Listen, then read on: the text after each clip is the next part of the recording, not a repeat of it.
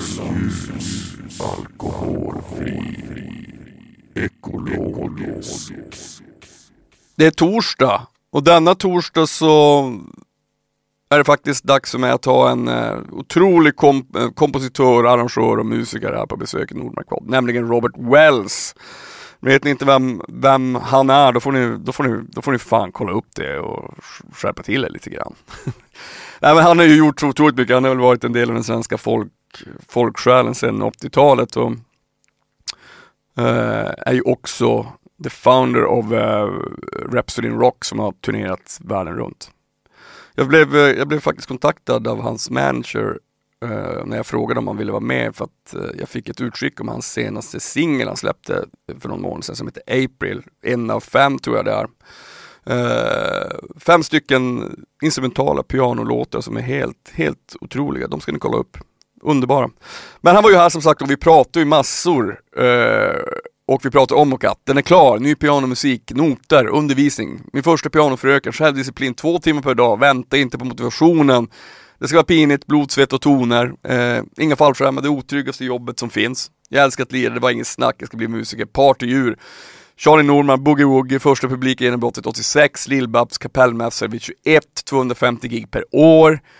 Gått på nita sen man började, tack för kaffet, han pröjsade inte. USA, Kina, Ryssland, England. Lyssna på gitarrister. Att alltid vara hungrig, alltid jobba och att inte vara låst. Eh, var ungefär det som vi hann med på en timme. Helt otroligt. Eh, lyssna som sagt på, på, på Roberts eh, låtar som han släppt nu, de är, de är fantastiska. Stort tack till Norrlands hus Alkoholfri Ekologisk som är min huvudsponsor. Ni är bäst. I love you guys. Jag ska nog ta en snart tror jag. Och eh, vill ni med något så kan ni mejla till info.nordmarkrecords.com. Jag svarar alltid. Följ med gärna på Instagram, Nordmarkpodd. Nu kör vi!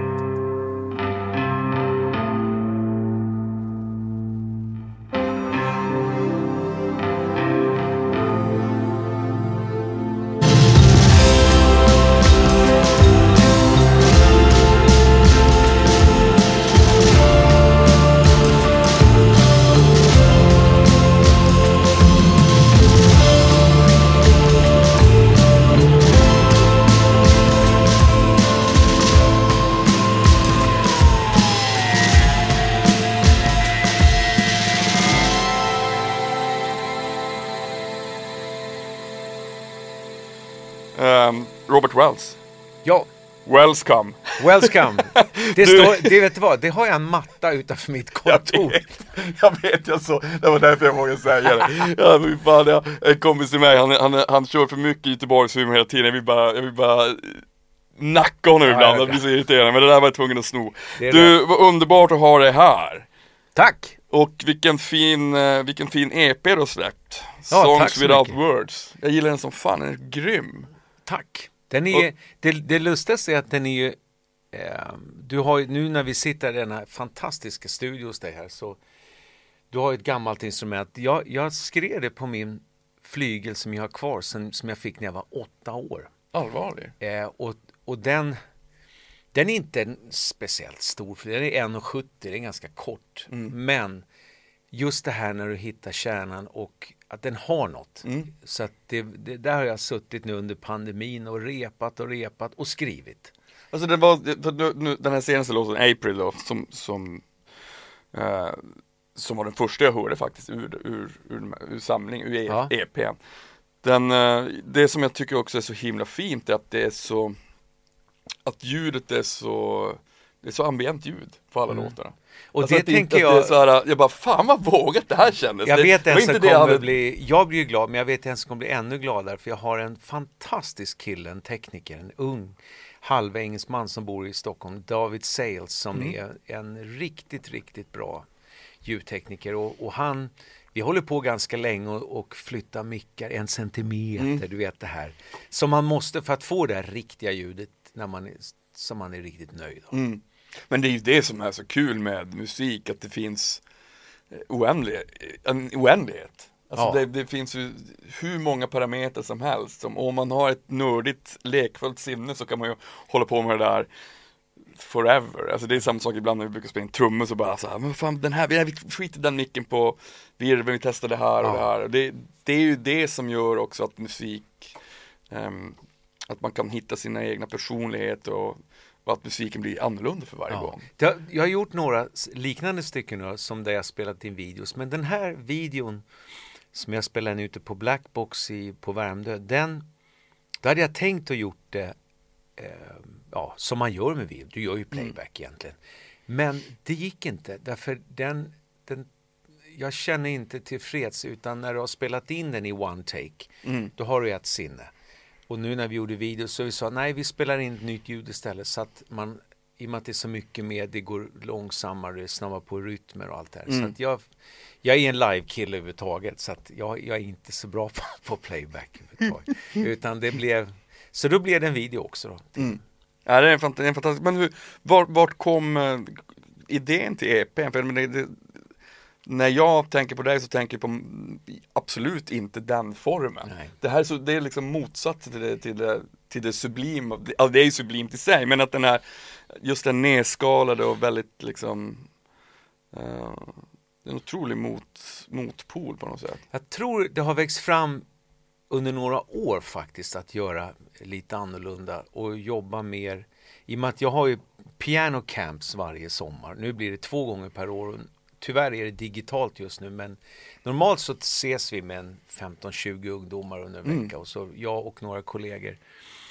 Och så är det ju så här att de kommer från många fantastiska bra pianolärare men styckena de kommer med det är ju liksom same same. Och det är release och det är det här och jag menar det, den har man hört klart.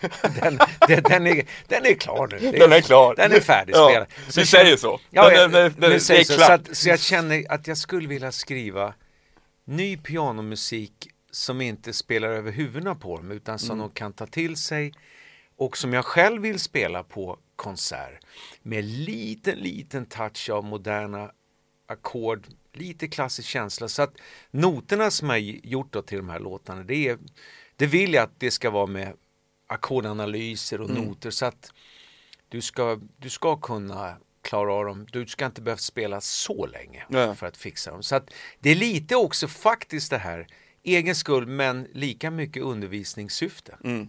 som de här kommer till. Och ehm, Ja, men jag såg ju, jag såg i pressutskicket också att man får med, att man får, får med noterna och allting. Jajamän. Så det är liksom, Oh, det är generöst. Ja, och- och det, det här med att, att pandemin, alltså det går ju att sitta och svära huvudtrött här en timme om hur jävligt det är när du inte får gigga. Men samtidigt, min första pianofröken bodde inte så långt härifrån där vi är nu.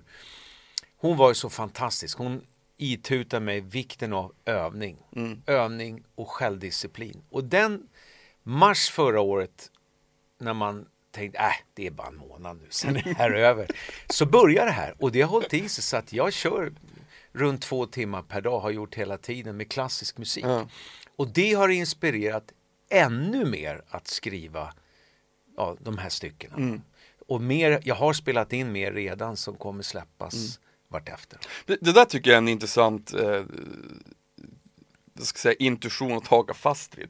För att, för att eh, jag, jag pratar mycket om det, liksom, den röda tråden är kreativitet och sådär. Men det, man märker att många ibland, det vet man ju själv hur det är när, man, när, man, när det inte känns som att det flyter på, när det känns motigt. Men, men att det här med att hålla någon slags låga uppe, att, att kunna vara i det fokuset där man också gillar att vara, där, det där man får en belöning. Den kräver ju när du övar och, och liksom har disciplin, nästan samuraj-disciplin som vi brukar kalla det. När man faktiskt gör det fast man ibland absolut inte känner för det. Så kan man ändå, då kan man få tillbaka den här lustan. Och Den, Och det finns en, det är en PT som jag inte kommer ihåg vem det var, men som sa jävla bra, eh, vänta inte på motivationen. nej, Den, det är bara att sätta sig ner. Mm. Det, och det ska vara pinigt, det ska vara lidande. Allt är ju inte... Många tror ju att det här var musikanter. Fan, det är väl åka med och det är jättekul. Det är bara turné. Det är bara turné. Men alltså om folk fattar hur mycket tid vi musikanter lägger ner alltså, Mm. på att repa och repa. Jag, jag gav ut en bok för två år sedan som hette Blod, svett och toner och den, den kände jag att Den skrev jag, nu är vi tillbaka här med skolgrejen, att de här unga nya, de har ingen aning om vad det är att vara när du jobbar när du sitter i köpcentra, när du sitter i pubbar, när du jobbar hårt Nej. för att komma då en bit framåt. Och då, eh, och då skrev jag just det här, det finns ju, vi har inga fallskärmar, det finns inga avgångsvederlag. Tackar du nej, då, då är det någon annan som tar jobbet. Ja. Så att, jag menar, det här är ju det mest egentligen otryggaste jobbet kan hamna Men varför gör man? Jo, älskar att lira. Ja, Det finns inga Nej, vet. svar. nej jag vet. Det är väl som Det, för dig. ja, det är exakt det. Är exakt det. Jag, jag tycker liksom, jag hade, jag har bölat om det här förr någon gång, men jag hade något år när jag, när jag tapp, hade tappat lusten lite grann för att spela. Eh, Och sen så kom jag, men det är bara för att jag, jag gör inte exakt det som jag vill göra. Och sakta men säkert så, så hittar jag tillbaka till det där och, och det är ju på samma sätt som för mig och så för dig, det är en, det är en så stor del av mitt liv. Ja. Att, att det är svar på turné. Jag, jag tänker hela tiden så här, om inte jag får göra det, då vet jag inte vem jag är. Nej. Lite grann. Alltså det, det, det, är så, det är så mycket av min, ja, av, av, av mig. Ja, men det är, det är sån här, hur, det är ju livet. Mm. Alltså det, det är inte... Det är tur. Jag är väldigt glad att jag har en, en fru som sjunger. Vi jobbar mycket ihop annars Mm. också. Men det här att du kan, när du är hemma ändå musicera, du kan hitta på. Det har varit några streamsgrejer men det, man känner ju att det saknas något i kroppen. Mm. Alltså det finns ju inget bättre, tycker jag fortfarande, att du drar ut med bandet, du sitter i bilen. Mm. Det är all kommunikationen, repen innan gigget, det är under gigget och efter gigget. Ja, visst. Det är ju liksom alla delar. Och det Och här... det är också liksom energin i rummet under gigget med Ja. publik. Ja. Som inte, som är, som är så, det, det är en känsla som inte går att sätta finger på. Nej. Och vet man inte om man nu är det nu är de här förutsättningarna vi har i vårt skrå, i vårt arbete, men jag kan förstå att det blir fel som det har blivit nu med, med eh, allt det här med eh, ja, Kulturrådet Mm. och Tillväxtverket, omställningsstöd, att det blir fel. För de har ingen aning om hur den här branschen fungerar. Nej. Och det som är så synd, jag pratade med en journalist igår, det är att man måste ju, jag kan ju inte heller kom, kommentera läkare eller sjuksköterskor, det vill säga det att då måste man kunna det. Mm. Om man då kontrar det och säger att det kanske vore smart att locka in lite folk med spetskompetens runt regeringen istället när det gäller kultur. Mm. För jag, jag tror att vår kulturminister nog kämpar på så gott det går men du måste ha folk omkring dig som kan Mm. branschen. Det vore ju super att boka in folk ifrån de stora bokningsbolagen. Och, eh, för som sagt, det är egentligen är man idiot som satsar på det här från början. För, men det fanns liksom inga... Alltså jag var sju och ett halvt år när jag bestämde mig att jag ska bli musiker. Mm. Det var inget snack. Och det, jag är 59 nu så det är några år sedan. Och det har inte ändrats utan jag Nej. älskar ju att hålla på Ja. med det här. Ja, det var samma för, för mig, för min pappa är också trumslagare så han spelar ju storbandsjazz uppe i Piteå. Men då, jag kommer ihåg, jag sa jag, jag, jag, jag vill bli trummis, jag vill bli Ja. musiker. Ja, men det, det, det är klart du ska bli det, ett hårt yrke. ja, jo, jo, tack. Klipp. men, men, men, eh, men det har ju alltid varit värt det. Ja. Att hade, hade jag inte liksom, menar den här studion här är ju, den här har jag sålt i princip två gånger under årens lopp. Ja. Och sen har jag fått köpa tillbaka grejer. För ibland har det varit tufft. Liksom. Ja, det är nu var det det. gudskelov länge sedan. Men, men, eh, men det är ju, eh, som du säger, ett val som, som gör att man en kompis med mig frågade nu när också hade gjort skivan, så, ah, vad, varför, har du gjort, varför har du gjort det? Jag bara, för att jag måste. Ja, eller hur? Ja, jag, Det är ett bra svar. Jag vet fan inget annat svar. Nej. Jag måste göra det. Eh, för sen en vacker dag så kommer jag inte finnas längre och då har jag inte gjort den. Alltså det, det, det Men, men alltså de som är då några år äldre än vad man själv. Jag har jobbat mycket med gitarrist som heter Albert Lee. Nu är han han 76-77 och han turnerar ju fortfarande nu. Nu har de börjat öppna upp i USA igen. Mm. Tänk dig Schaffer. Alltså bara. Och sen i måndags, jag är med i ett ordenssällskap som heter Stallbröderna, bara branschfolk. Mm. Eh, och då hade vi en streaming till alla medlemmar och då var Klabbe med nyss fyllda 75 och han är liksom det är så jätteskönt att se att energin är på topp. Mm. Och jag menar, jag vet ingen, i alla fall ingen, möjligtvis institutionsanställd, men ingen annan som snackar pension. Det, det har jag aldrig hört någon musikant göra. När, när jag var 28 år gammal, då började jag med Charlie Norman, då fyllde han 70. Han övade hela tiden och han var sånt partajdjur när vi var ute på turné. Han var alltid sist i sig. Och jag menar, han kör, körde hårt med oss slynglar liksom med det var, det, Finns det här, jag, har, jag har en fråga här, det här kanske är en skröna. Att ni hade, ni hade, han hade Boogie på sin registreringsskylt och du ville ha Woogie. Och sen så var, sen, men fast den, det var någon som hade redan snott den. Men sen kommer jag inte ihåg hur den historien slutade. Historien är korrekt så här. När han fyllde 75 så ville jag ge honom en present. Så då kollade, då köpte jag till mig själv Woogie och bluesartisten då Roffe Wikström hade Boogie. Så jag ringer honom, åker upp på Söder och får köpa loss den. Sen hade vi våra två bilar. Jag hade min Jeep och Charlie hade en sportbil. Alltid med en, en, eh, sån här äkta matta i. Så det var hans grej. Och så parkerade vi alltid rätt. Så att det skulle stå Boogie Woogie, inte tvärtom. Boogie Boogie, Ja, nej! nej, nej. nej då, så att, det, att vi hade sådana skyltar, helt rätt. Nu lyckas jag få tag i jag är nog väldigt retro med allt jag gör egentligen, men jag köpte för två år sedan, det har jag drömt om sen jag växte upp i Solna, när Hepstars bodde mitt över gatan och kom med såna här Apache, alltså skeva Apache, det är gamla, gamla jeepar, orkesterbilar. Och nu fick jag tag i en för två år sedan och jag bara väntar nu tills det ska lätta, för den, den ska jag ut med, en 64 som renoverats. Man, den går faktiskt på blyfritt trots allt. Men, men eh, just de här gamla bilarna och då har jag hittat registreringsskylten piano såklart. Fan vad fett! Men jag tänkte på, jag tänkte på också det här som vi snackade om med hårt jobb och jag, jag läste någonstans när du, när du, när du startade Rhapsody in Rock-grejen att, att det i början var inte alls mycket folk. Det kan man nog säga. Det var 80 betalande första giget i Sundsvall. Och jag var helt ensam ansvarig. Både turnéledare, ekonomiskt ansvarig. Eller jag skötte allting så att säga. Och höll i projektet. Och hade man varit normal då hade man nog lagt ner efter det. Men för mig, alltså Rhapsody Rock, det är ju okej, det är en stor konsert, det är många stora turnéer. Men det är egentligen ett namn på hur jag musicerar, att jag älskar det mesta av musik. Och de här idéerna föddes verkligen inte sent i livet. Jag var nog 11-12 år och eh, gick också nära här på Adolf Fredriks musikskola. Många kompisar var statister på Operan och då hängde man där och kollade klassiska operor och sen hängde vi i Konserthuset.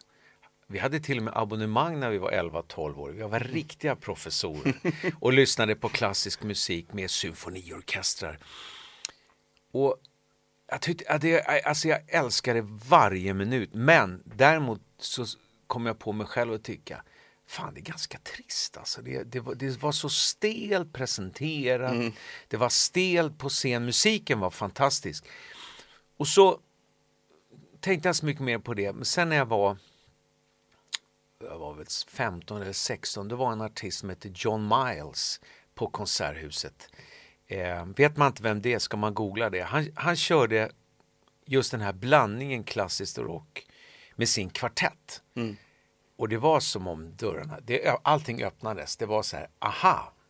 Då kom liksom idén och så kom det tillbaka minnena med symfoniorkestrar och så här. Och då föddes idéerna till Rhapsody. Men jag hade ju verkligen inte någon solistambition. Jag ville lira.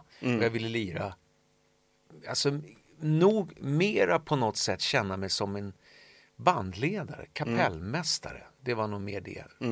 Hålla i projekt, hålla i såna här ja, musikaliska roliga projekt.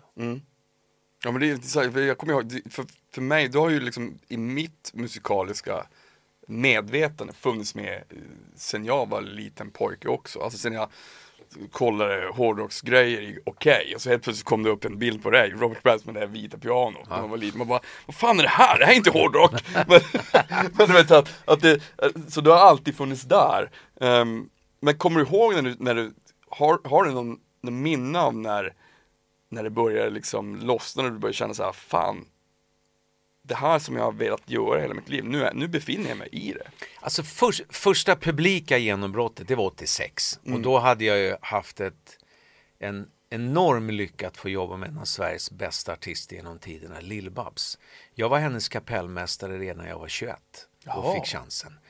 Ehm, så då började jag med henne samtidigt som jag gjorde krogshower med eh, artister som Gösta Linderholm och jobbade med Jerry Williams på turné och alltså vi gjorde, det var så att man gjorde säkert 250 gig minst om året i, på teatrar och du vet överallt krogar. Och sen 86 så fick jag chansen. Dels var det en fredagsunderhållning eh, i TV2, en mer en popunderhållning sådär.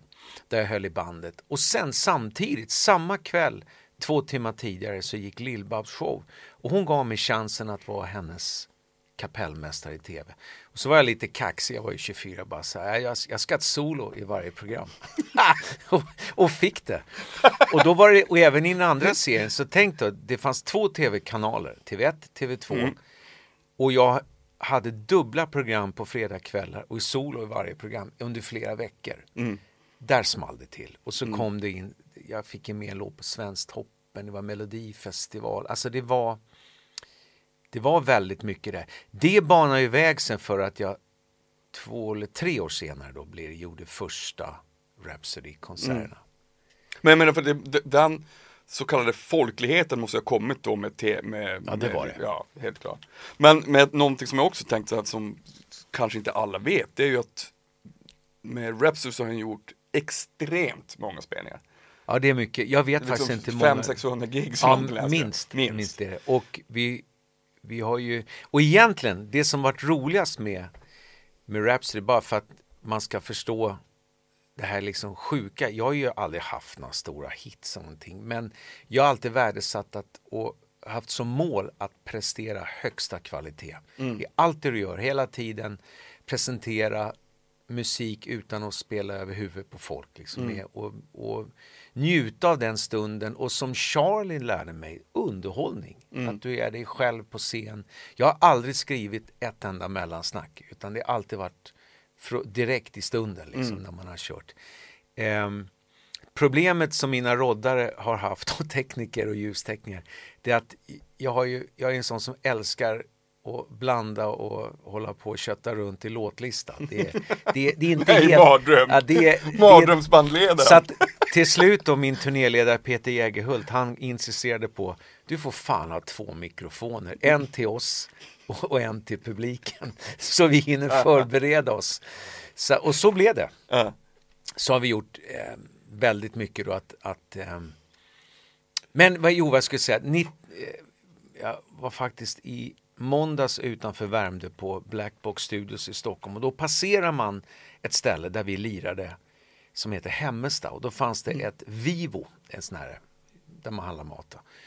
1996 så står vi, jag och bandet, kvartetten utanför Vivo i ganska regnigt, skitkallt september och det fanns inte ens en scen. Vi står utanför Vivo och lirar och det kommer kanske 10 pers, 15 pers.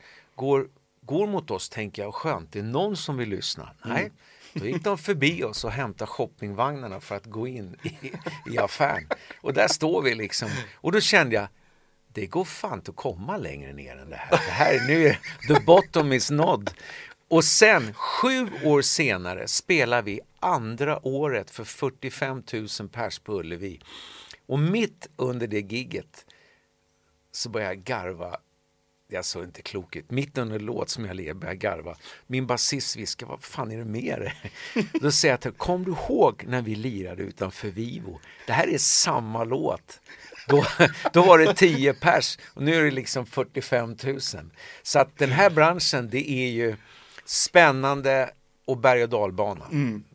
Men är det inte det också som är ja det, det kan ju vara fruktansvärt nedslående, men det kan ju också vara, det är också i den spänningen allt det här hoppet också finns. Oh ja. Och, och det här, den här ovissheten, här att, man inte, att det inte finns en, ett, ett klart schema för vad som funkar och vad som liksom är det enda som man vet funkar är ju att hårt, hårt arbete och en viss, en, en, en såklart en viss eh, mått av talang Ja.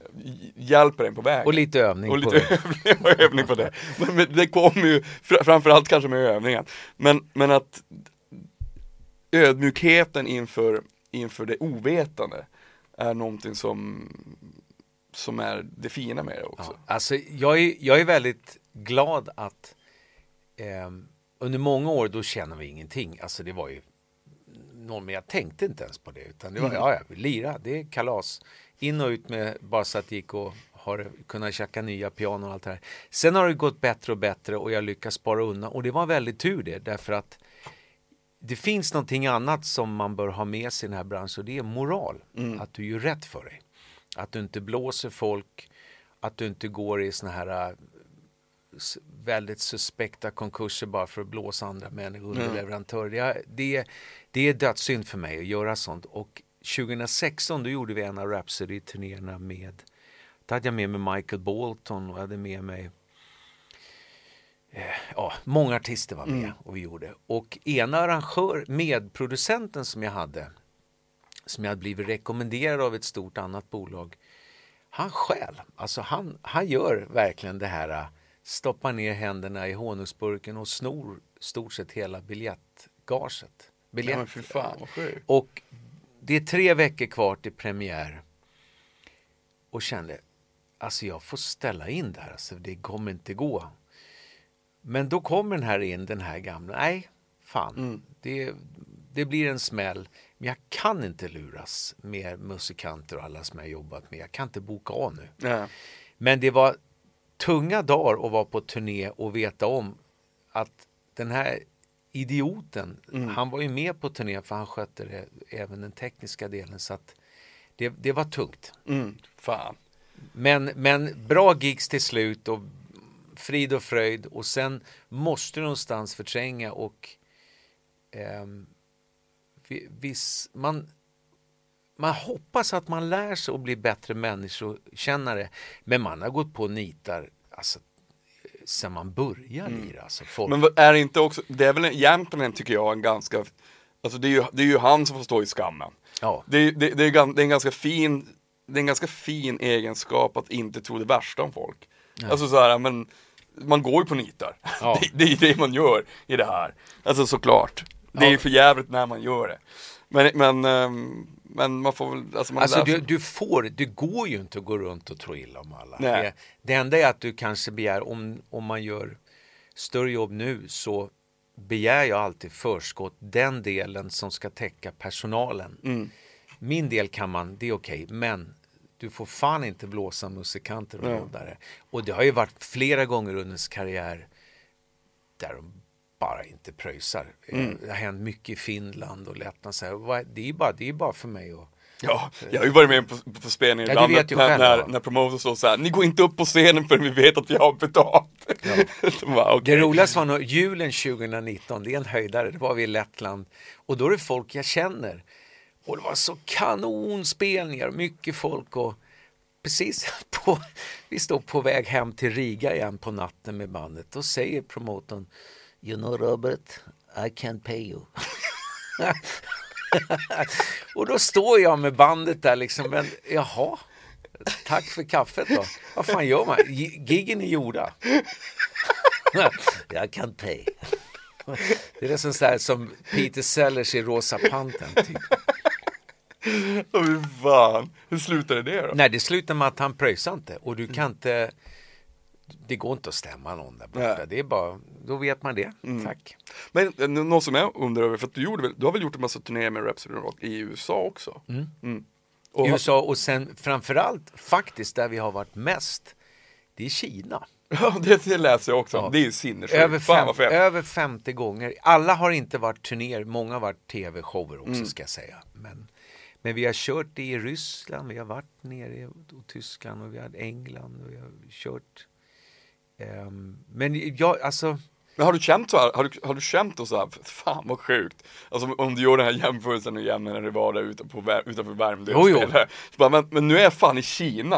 Alltså det, det är så parodiskt. Ja, men kan- där är, det är, jag har ju spelat, jag tror max det är typ 70 000 arenor. Vi, alltså, vi har gjort sådana sjuka grejer. Jag var, skrev musik till, jag var involverad i OS 2008 till och med och spelade det var ju faktiskt ganska intressant och det är inget som Greta Thunberg skulle slå sig för bröst och tycka är bra. Vi spelade utanför förbjudna staden året innan OS med 160 man musikanter.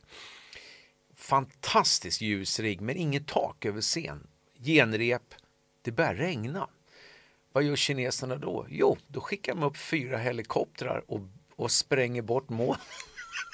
Jag tror det medlet vill jag nog inte veta vad de hade där. Alltså. De fick bort molnen.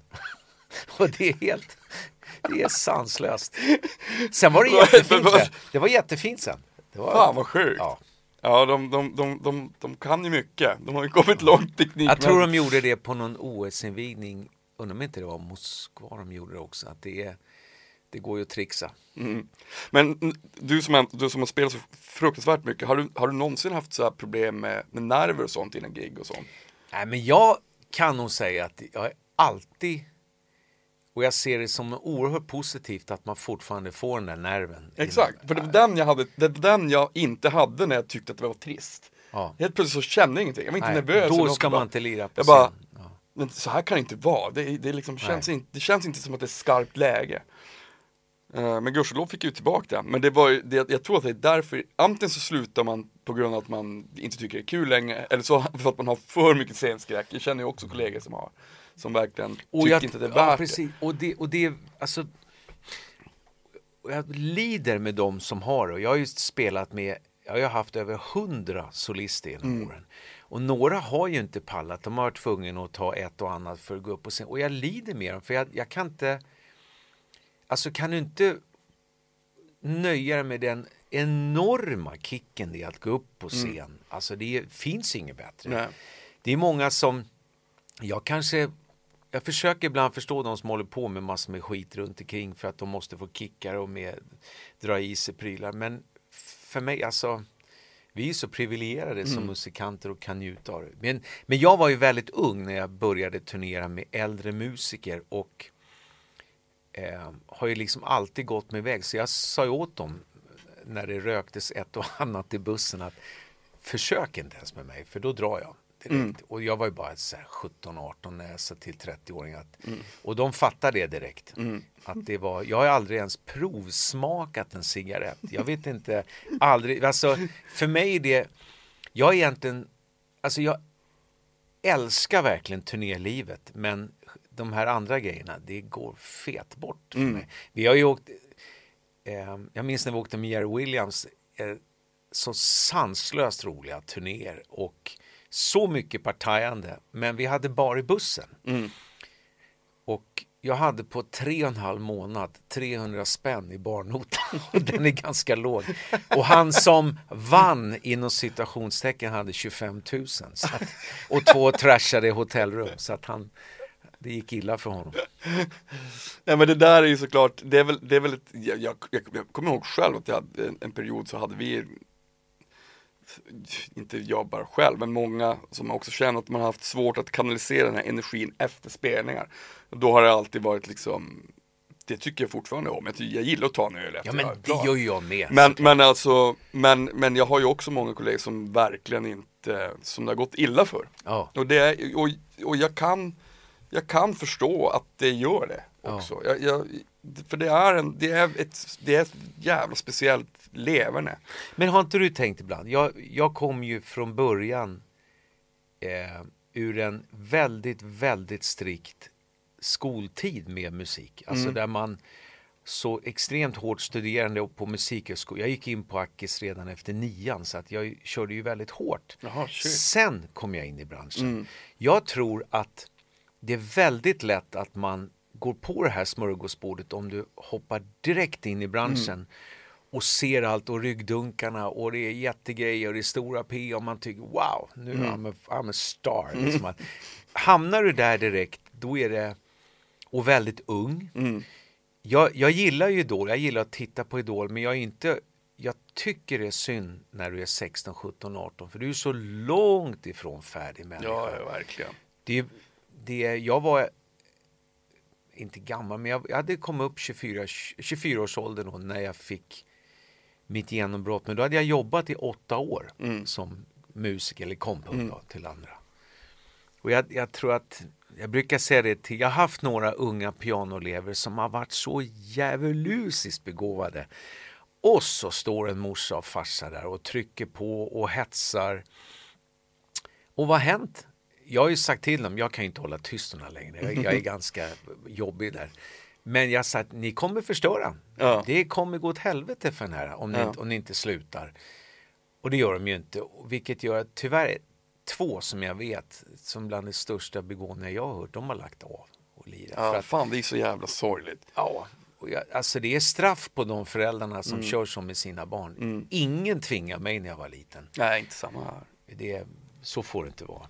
Nej men alltså hur, hur den, det där är en intressant fråga i sig tycker jag, att bibehålla den här kärleken till det man gör, den här, den här fullkomliga besattheten som vi, som vi nästan började Ja. med. Eh, för att sluta cirkeln lite grann. Den, den, att ha den här liksom barnsliga, naiva inställningen till det man gör, att alltid liksom vilja vara med, att alltid liksom vilja vara där. Ja, hungrig. Alltså, Ja. Hur jag- gör du för att liksom behålla? Nej, men det har med övandet att göra. Och speciellt, jag, jag kan utan att skämmas säga att jag lever fan bättre nu än innan pandemin. För jag har inte repat så mycket sen jag gick på Ackis. Mm. Och det är fantastiskt skönt när du kommer djupare och djupare in i musiken. Och just nu är det mycket Rachmaninoff och Franz Liszt och så här. Och eh, första tiden var ju bara att öva in det utan till men se- sen när du kommer in i musiken, när du liksom skapar, det, är, det är magiskt. Alltså. Ja, är- och, och den, och man ska inte glömma bort, det, det, det är så roligt, jag träffas många som Äh, han spelar bara boogie-woogie. Och, så säger, och jag, jag får ofta höra det, jag bara garvar, för de har ingen aning. De vet inte hur jävla svårt det är att spela riktig boogie. Nej. Du måste ha en vänsterhand som ett lokomotiv. Du måste, alltså Charlie Norman hade ju en teknik utav denna världen, alltså och repa hela tiden. Och den klassiska tekniken har ju hjälpt mig oerhört mycket. Och jag, jag kör ju till mina elever att det är många som det är ungefär lika illa som många sångare tror att de förlorar själ om de lär sig sjunga rent. Eller som att du spelar och förstör ditt spel om du lär dig noter. Alltså, Det finns ju inget bättre än att du ska kunna spela gehör, du ska kunna skriva musik, men du ska kunna noter. Jag ty- Det är väl vår yrkesstolthet. Också för att kunna hoppa in i storband, kunna hoppa in i orkestrar. De ska kunna lägga fram noter till det. Lira det här.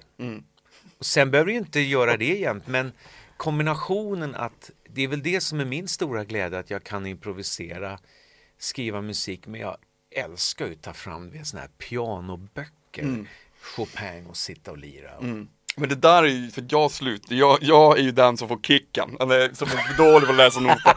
Men, jag, men jag, jag, tycker det här är intressant också för att du, du, har, du, har, du är en sån lirare sådär, men för att ibland märker jag när jag har spelat med folk som har varit så här superskolade, så, har, så är de låsta när de kommer utanför noterna. Ja.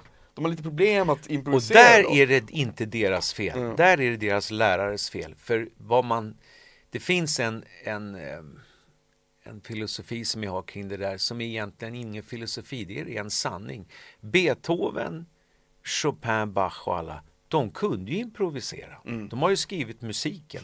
De behövde inte noterna. De skrev noterna för de ville ha styckena kvar.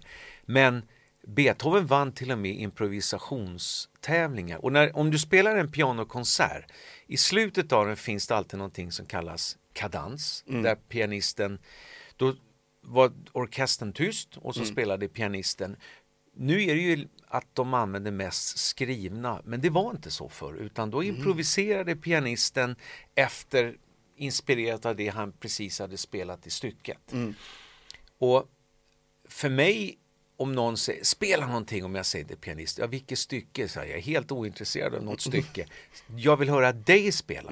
Jag vill inte höra Ballad på Adeline eller något annat. Jag vill framförallt se att om jag se någon sitta vid piano.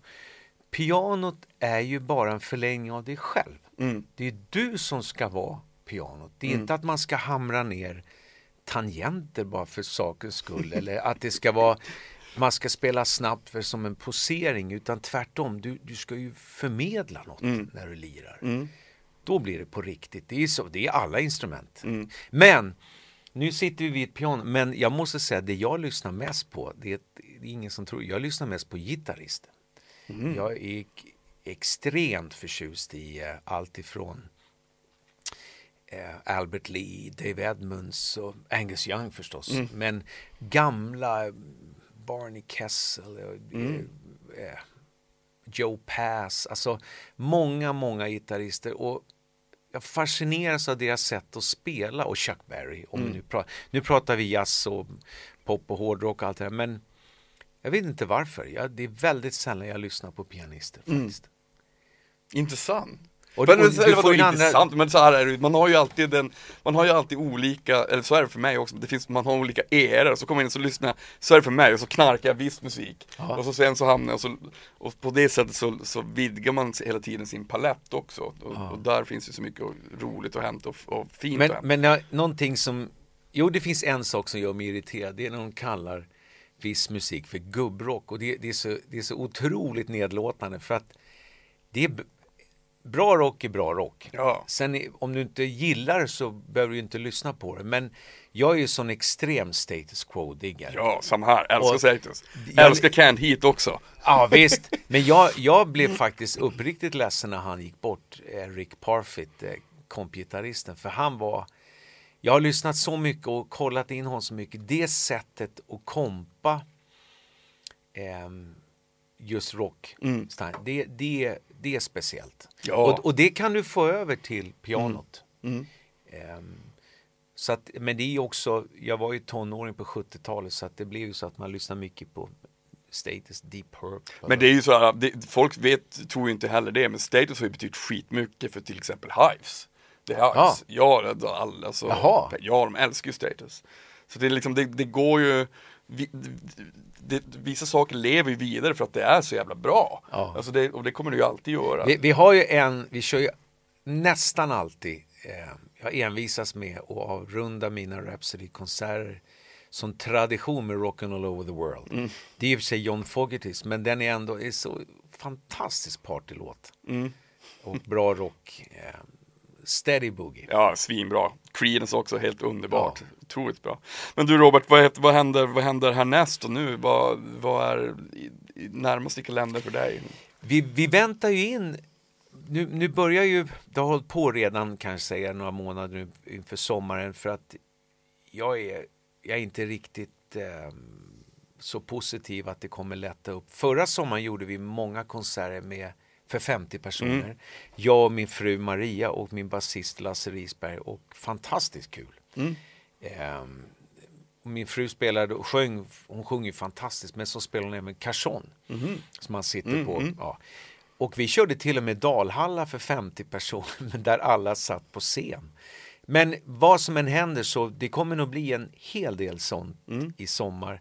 Sen eh, håller jag på och söker, se om jag kan få bidra för. För jag, jag startade ett projekt för två år sedan som heter House of Jam ute i Black Box Studios utan, är vid Värmdö då. Och det är egentligen en inspirerat av Daryl Hall som kör eh, Daryls House på Youtube där han samlar musikanter en gång i veckan och bara jammar. Inga låtlistor alls, det är ännu mindre låtlistor och bara är som ett vattenhål för musiker. Och jag hoppas kunna göra en serie utav det så småningom. Det kanske inte blir tv men då blir det i alla fall Youtube. Och, för vi har kört fyra eller fem gånger och det, det är så vansinnigt kul. Eh, och då är, ibland är det fem gitarrister på scen samtidigt och det är massor med saxar och mycket, mycket bra solister som kommer ut. Fantastiskt. Men du, ehm, då håller vi tummarna för att det blir av. Ja men det, alltså, och annars ser man till att det blir av. Exakt. Du Robert, stort tack för att du ville vara med Tack själv. Underbart. Tack! Nu skiter vi där. Ja, nu skiter jag. Ah, fan vad... Vad mäktig du är Robert. Fan vad grymt. Um, that's about it. Ta hand om er hörni och eh, följ mig gärna på Instagram, Nordmarkpodd och vill ni med något som sagt så mejla till info.nordmarkrecords.com. Puss och kram, hej!